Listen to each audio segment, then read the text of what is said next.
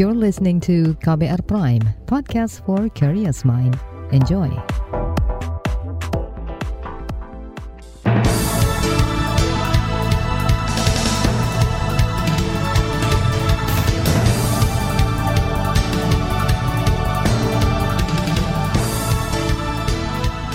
Selamat pagi saudara, senang sekali kami bisa menjumpai Anda kembali melalui program Buletin Pagi edisi Selasa 29 Maret 2022. Bersama saya, Naomi Liandra. Sejumlah informasi pilihan telah kami siapkan di antaranya. Pemerintah didesak stabilkan harga pangan. APBN Februari 2022 surplus 19 triliun. KLHK tetapkan tiga tersangka kasus tambang ilegal di wilayah IKN. Inilah Buletin Pagi selengkapnya. Terbaru di Buletin Pagi. Saudara, harga kebutuhan pokok terus meroket jelang Ramadan. Kenaikan ini sudah terjadi sejak akhir tahun lalu, utamanya pada tiga komoditas, yakni daging, ikan, dan beras, berdasarkan data Badan Pusat Statistik BPS. Fenomena ini dinilai tak wajar oleh Ikatan Pedagang Pasar Indonesia IKAPI, sebab kenaikan harga pangan biasanya hanya terjadi di tiga fase, yakni H-7 Ramadan, H-3 Idul Fitri, dan H plus Idul Fitri. Sekjen IKAPI, Reynaldi Sarijawan. Tentu kami melihat satu bulan sebelum masuk Ramadan ini, pedagang-pedagang kita akhirnya mengurangi volume penjualan, Mbak. Ya, saya kasih contoh yang tadinya, yang tadinya daging normalnya itu 115 ribu sampai 120 ribu, yang sekarang tembus 140 ribu. Akhirnya apa? Pedagang kita mengurangi volume penjualan. Waktu harga normal, pedagang mampu menyetok kurang lebih hampir 50 kiloan, Mbak. Sekarang setengahnya paling, karena harganya udah tinggi. Ngambil ke RPH-nya sudah tinggi. Sekjen Ikatan Pedagang Pasar Indonesia Renaldi Sarijawan menambahkan komoditas lain yang harganya meroket adalah cabai rawit merah, telur, ayam broiler, bawang merah, dan bawang putih. Harga cabai rawit merah sudah mencapai Rp60.000 per kilogram, padahal sebelumnya berkisar Rp33 hingga Rp35.000. Bawang merah tembus di angka Rp34 hingga Rp36.000 per kilogram dari sebelumnya Rp27.000. Renaldi meminta pemerintah segera melakukan intervensi tata kelola perdagangan agar harga pangan kembali stabil. Badan Pangan Nasional berjanji bakal mengambil langkah-langkah taktis guna menstabilkan harga pangan, salah satunya dengan menggelar operasi pasar dan mengeluarkan stok bahan pangan saat Ramadan dan Lebaran. Hal itu diungkapkan Kepala Pusat Ketersediaan dan Kerawanan Pangan Badan Pangan Nasional Bapanas, Andriko Noto Susanto.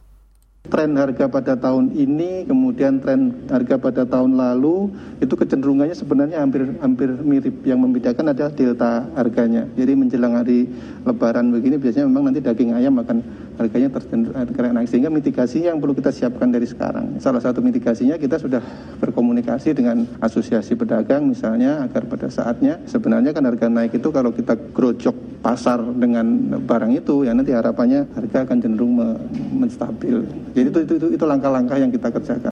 Selain itu, kata Andriko, Bapanas telah mengaktifkan sistem peringatan dini di berbagai daerah guna mengetahui jumlah stok komoditas. Nantinya akan ada subsidi silang dari daerah dengan stok melimpah ke daerah yang kekurangan. Kendati demikian, Andriko mengklaim sampai saat ini semua stok komoditas sangat melimpah. Bahkan ia menyebut persediaan minyak goreng mencapai lebih dari 660 ribu kiloliter. Tingginya harga komoditas pangan juga menjadi perhatian parlemen. Pekan lalu, Panitia Kerja Panja Pangan dan Bahan Pokok terbentuk. Wakil Ketua Komisi Perdagangan DPR Gede Sumarja Linggi mengatakan Panja akan berupaya mengurai permasalahan tersebut. Politikus Partai Golkar ini menyebut lonjakan harga pangan salah satunya dipicu perang Rusia-Ukraina persoalan-persoalan pangan dan itu menjadi tupoksi daripada Komisi 6. Ada kenaikan bagaimana nanti menjadi swasembada dan sebagainya kami bahkan nanti uh, karena kami mitranya juga dengan PT BUMN gitu ya. Uh, di, kami juga akan mengundang nanti PT BN untuk bagaimana dia mengoptimalkan uh, penghasilannya sehingga pen, apa uh, hasil pertaniannya sehingga paling tidak kita sudah mau mendekati kepada swasembada pangan. Catatan lain juga diberikan Wakil Ketua Komisi Perdagangan DPR Arya Bima. Politikus PDI Perjuangan ini juga mendesak pemerintah segera mengatasi kenaikan harga pangan jelang Ramadan, yakni dengan melakukan pengawasan ketat dan memastikan distribusi stok pangan tepat sasaran. Sementara itu pengamat ekonomi pangan Indef Rusli Abdullah berpendapat kenaikan harga pangan dipengaruhi dua hal, yakni dampak perang Rusia-Ukraina dan adanya lonjakan permintaan akibat pelonggaran mobilitas masyarakat. Ia mengkritik pemerintah karena tidak siap mengantisipasi situasi ini. Pemerintah belum apa belum ready secara ini untuk mengatasi tadi yang saya bilang kecolongan itu mbak kecolongan adanya apa namanya relaksasi covid ya terus jangan sampai terus uh, meningkat ya lagi hmm. lebaran saya kira lebaran akan ini mbak akan turun lagi ya akan meredak seperti itu. Namun demikian, Mbak, ada beberapa komoditas yang memang akan terus naik, akan tinggi ya, tetap tinggi ya. Misalnya minyak goreng ya, kemudian ada lagi gandum akan apa mulai naik ya. Peneliti Indef Rusli Abdullah menambahkan naiknya harga pangan di sisi lain bisa jadi indikasi ekonomi kembali menggeliat. Namun jika berlangsung lama, bakal berdampak pada naiknya inflasi dan turunnya daya beli masyarakat.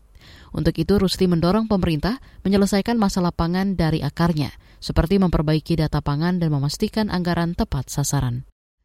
Saudara, puluhan ribu desa bakal terjangkau akses internet. Informasi selengkapnya sesaat lagi, tetaplah di Buletin Pagi KBR. You're listening to KBR Pride, podcast for curious mind. Enjoy!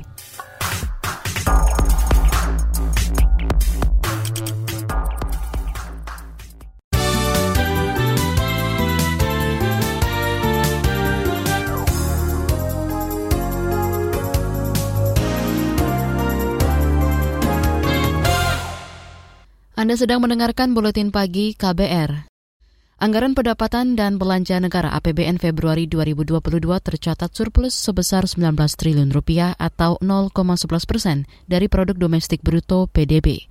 Menteri Keuangan Sri Mulyani mengatakan surplus disebabkan pendapatan negara sebesar 300-an triliun, lebih tinggi dari belanja negara yang mencapai 280-an triliun rupiah total defisit kita dalam hal ini total keseimbangan kita maksudnya adalah surplus 19,7 dibandingkan tahun lalu yang defisit 63,3 triliun ini juga pembalikan yang luar biasa. Jadi APBN kita kalau dilihat situasi di bulan Februari di mana penerimaan kuat namun belanjanya tertahan, kelihatannya cukup bagus. Namun ini belum menggambarkan keseluruhan cerita tahun 2022. Menteri Keuangan Sri Mulyani menambahkan, APBN mesti bersiap menjadi bantalan saat terjadi gejolak kenaikan harga komoditas pangan dan energi.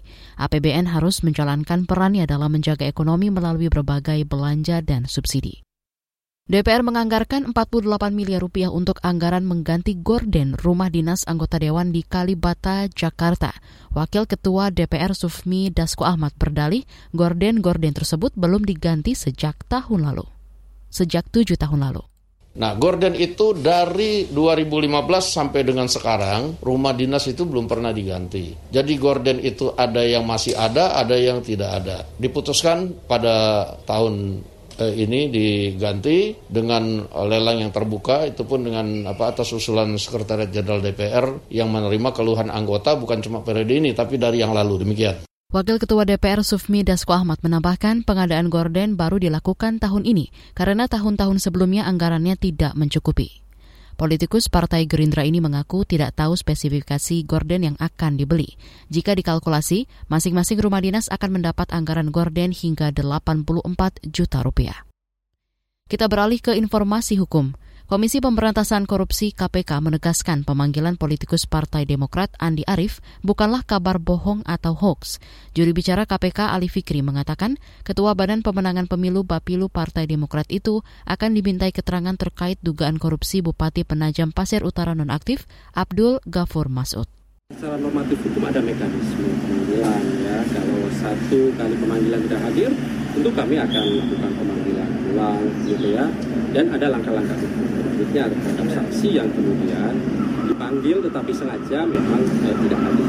Tapi untuk eh, Pak Andi Arief kami yakin bahwa yang bersangkutan sebagai warga negara yang baik akan hadir nantinya ya. Eh, setelah eh, kami sampaikan ini ya bahwa itu bukan hoax. Sebelumnya, KPK memanggil Andi sebagai saksi dalam kasus dugaan suap proyek pengadaan barang dan jasa serta perizinan di Kabupaten Penajam Pasir Utara tahun 2021-2022. Surat panggilan dikirim ke rumah Andi di Cipulir, Jakarta Selatan pekan lalu. Namun Andi mengklaim tidak menerima surat itu dan membantah memiliki rumah di Cipulir. Saudara, pemerintah bakal memperluas akses internet untuk 80 ribu lebih desa. Wakil Presiden Ma'ruf Amin mengatakan realisasi pembangunan infrastrukturnya akan dimulai tahun depan.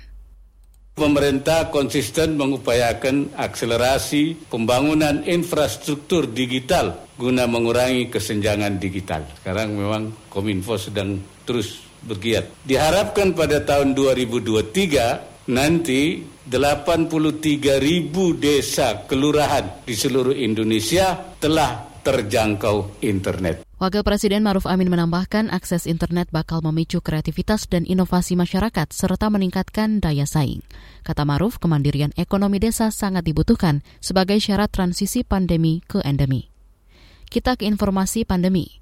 Pemerintah memastikan kasus COVID-19 tidak akan meningkat saat lebaran. Namun juri bicara Satgas COVID-19 Wiku Adhisa Smito mengingatkan perlunya kerjasama semua pihak untuk disiplin menjaga protokol kesehatan selama Ramadan.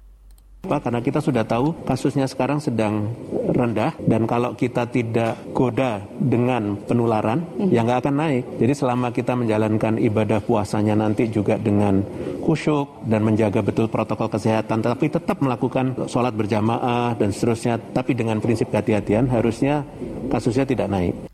Juru bicara Satgas COVID-19 Wiku Adhisa Smito membenarkan adanya penambahan kasus aktif, tetapi tidak terlampau signifikan. Data Satgas per 28 Maret mencatat sebanyak 2.700-an tambahan kasus baru. Total kasus COVID di Indonesia sejak awal pandemi sudah menyentuh 6 juta lebih. Beralih ke informasi mancanegara. Indonesia prihatin dengan penutupan akses sekolah tingkat atas bagi perempuan di Afghanistan. Hal itu diungkapkan Menteri Luar Negeri Retno Marsudi saat bertemu perwakilan Taliban Amir Khan Mutaki dan asisten Menteri Luar Negeri Qatar Lola binti Rasid kemarin. Retno menyampaikan pentingnya pendidikan bagi semua kaum demi keberlangsungan suatu negara. Pertemuan kemarin juga menyepakati kerjasama Indonesia dan Qatar untuk memberi beasiswa dan membangun sarana belajar bagi perempuan Afghanistan. Menurut, menurut Retno, perwakilan Taliban menyambut baik tawaran ini dan berjanji akan mempertimbangkannya. Pemimpin Korea Utara Kim Jong-un bersumpah akan membangun kekuatan militer adidaya. Ini menyusul peluncuran rudal antar benua terbesar oleh Kim beberapa hari lalu. Dilansir dari Reuters, Kim mengklaim kekuatan militernya kini tak terkalahkan. Kata dia, militer korut bisa mencegah peperangan dan menciptakan keamanan. Menurut Kim, peluncuran rudal akan terus dilakukan sebagai bentuk uji coba berkala. Sejak awal tahun, Pyongyang sudah melepas tujuh rudal, termasuk rudal hipersonik. Beralih ke berita olahraga, Saudara, 20 tim memastikan lolos ke putaran final Piala Dunia 2022. Sembilan tiket lainnya akan diperebutkan dalam rangkaian jadwal kualifikasi pekan ini. Dilansir dari antara, 20 tim yang lolos termasuk tuan rumah Qatar, kemudian 10 tim Eropa seperti Jerman, Prancis, Spanyol, Inggris, dan Belanda. Selanjutnya ada empat tim Amerika Selatan, yakni Brazil, Argentina, Ekuador, dan Uruguay. Adapun empat wakil Asia meliputi Iran, Korea Selatan, Jepang, dan Arab Saudi. Sayangnya, juara dunia empat kali Italia gagal lolos ke putaran final untuk kedua kalinya berturut-turut. Padahal Italia baru saja menjuarai Piala Eropa 2020. Di bagian berikutnya kami hadirkan laporan khas KBR bertajuk Ada Asa di Balik Tumpukan Sampah bagian 2. Tetaplah di Buletin Pagi KBR. You're listening to KBR Pride, podcast for curious mind. Enjoy!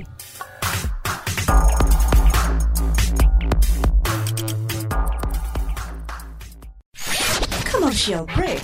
Commercial break.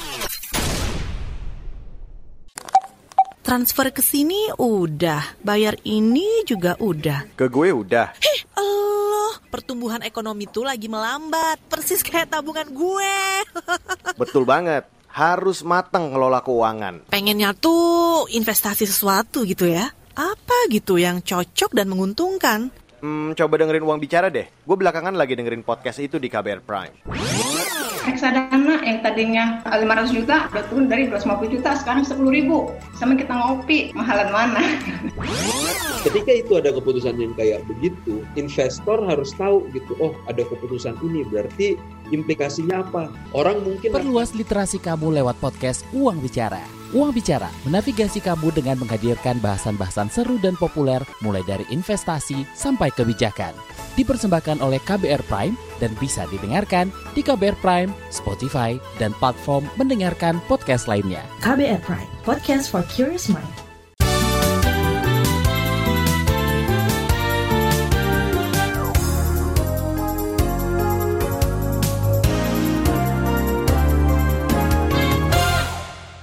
Anda masih bersama kami di Buletin Pagi KBR.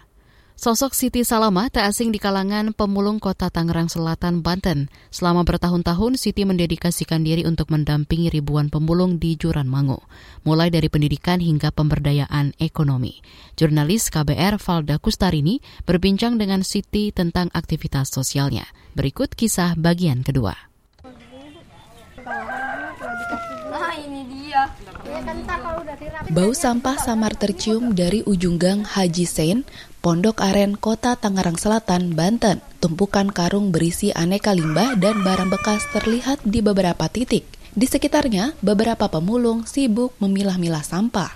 Lapak ini jadi saksi dedikasi Siti Salama memperjuangkan kesejahteraan pemulung. Komunitas rumah pohon yang didirikannya memfasilitasi akses pendidikan anak-anak pemulung dan melaksanakan pemberdayaan ekonomi. Salah satunya dengan melatih mereka teknik daur ulang limbah menjadi produk bernilai rupiah. Ibu-ibu lapak pemulung waktu itu bikin bunga. Jadi dia tuh bikin dari botol-botol terus dijadiin anting, kalung gitu. Dan itu harga jualnya lumayan sih mahal banget. Siti tak berdiam diri. Perempuan asli Lampung ini terus meluaskan jaringan demi membuka peluang baru bagi pemulung. Saat menghadiri Youth Action Forum 2018, Siti bersua Ranitia Nurlita, pendiri Waste Solution Hub. Lembaga ini bergerak di bisnis pengelolaan sampah. Merasa satu visi, Siti lantas bergabung. Lita awalnya ngajakin kita bikin kegiatan yang melibatkan pemulung yuk kak gitu. Ya udah aku mau oke-oke aja ya. Yang... Kolaborasi antara Rumah Pohon dan Wesa pun dimulai. Para pemulung dampingan Siti sering diajak memilah sampah dengan bayaran lebih tinggi ketimbang penghasilan memulung sehari dari WhatsApp itu sendiri para pemulung kita alhamdulillah kepake banget gitu. Mereka tuh ada pekerjaan tambahannya lah gitu. Kayak waktu di 2000 berapa ya? 19 kita pegang event di SBSD itu pemulung kita kita bayar profesional mbak sehari itu bisa 200 sampai 300 ribu lah Founder Weshub, Ranitia Nurlita atau Lita, memastikan pemulung diupah layak. Kalau misalnya kita ada jasa pengambilan sampah selama tiga hari, kita bayarnya per hari gitu ya, bukan borongan. Kalau memang kita fokusnya di harian, itu kan dari pagi ya kalau acara event gitu ya. Kalau ini kan biasanya sampai tengah malam gitu kan, makanya eh, ininya juga sampai dua sampai tiga kali lipat gitu ya. Sayangnya, jasa pemulung masih dipandang sebelah mata. Lita kerap harus menjelaskan alasan pemulung dalam tiap proyek yang digarapnya ya karena kita ingin menaikkan taraf hidup mereka juga gitu ya dan ini bukan pekerjaan yang nggak halal gitu dan cuma memang masyarakat itu ya kayak gini. Lita memandang masalah sampah bukan terbatas soal lingkungan, tetapi juga sosial. Itu sebab model bisnis West Hub yang dibangunnya tak melulu bertujuan mencari untung. Apa pun aktivitasnya kami selalu melibatkan pemulung di dalamnya kayak gitu. Yang bertujuan emang tidak hanya profit yang kita memang kedepankan, tapi juga dampak, baik itu dampak sosial dan juga dampak lingkungan. Di masa pandemi, aktivitas pengelolaan sampah juga ikut terganggu. Para pemulung kesulitan mencari barang bekas untuk dijual karena kebijakan pembatasan. Siti dan Lita mencari cara agar para pemulung bisa bertahan.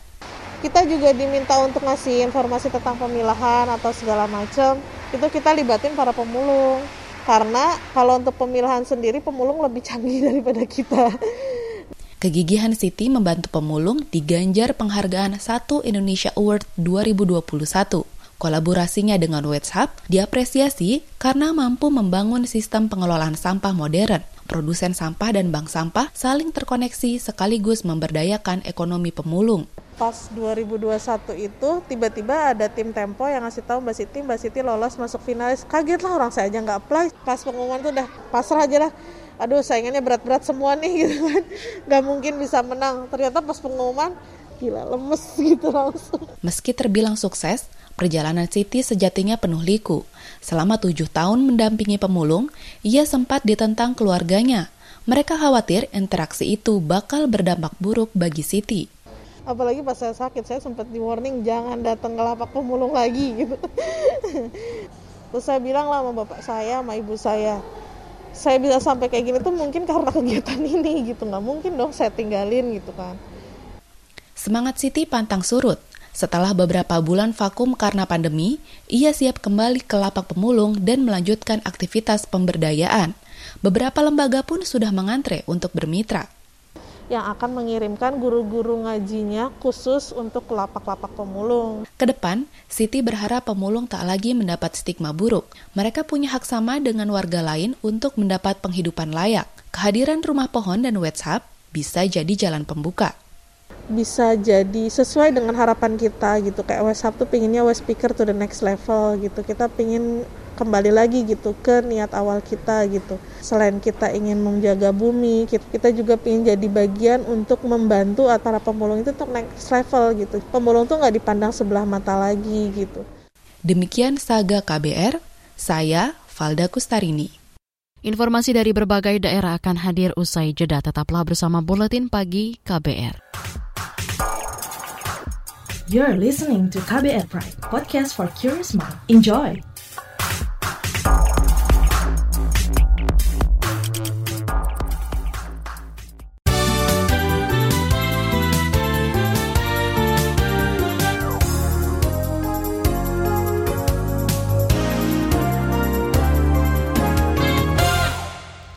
Inilah bagian akhir buletin KBR.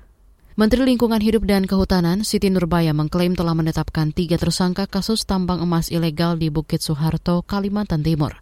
Siti berjanji timnya akan terus mengusut perkara ini.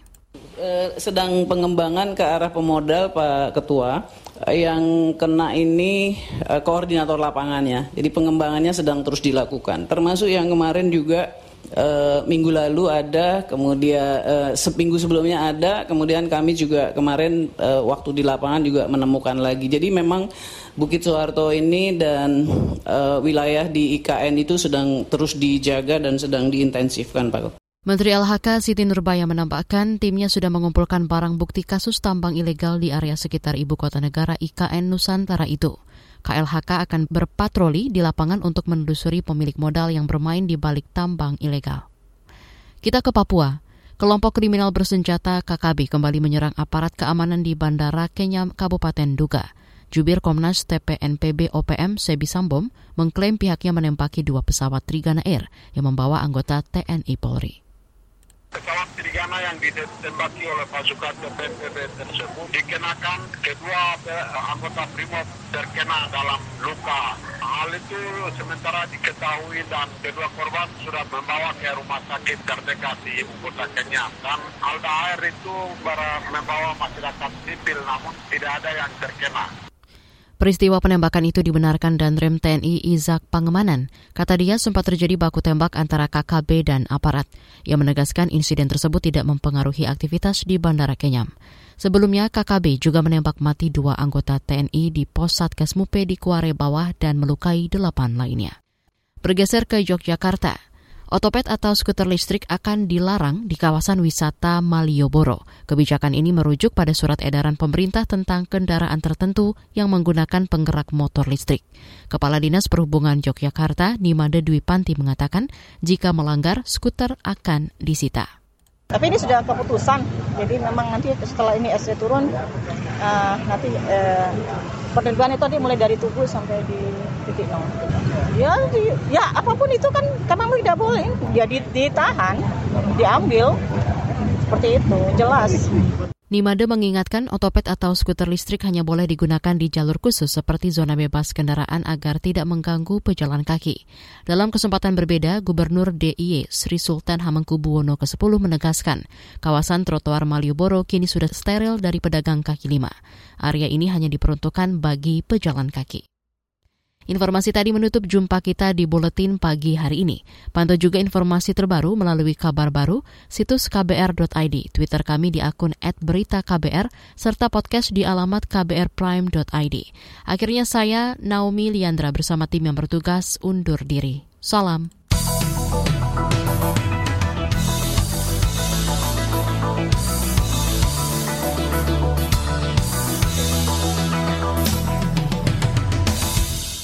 KBR Prime, cara asik mendengar berita. KBR Prime, podcast for curious mind.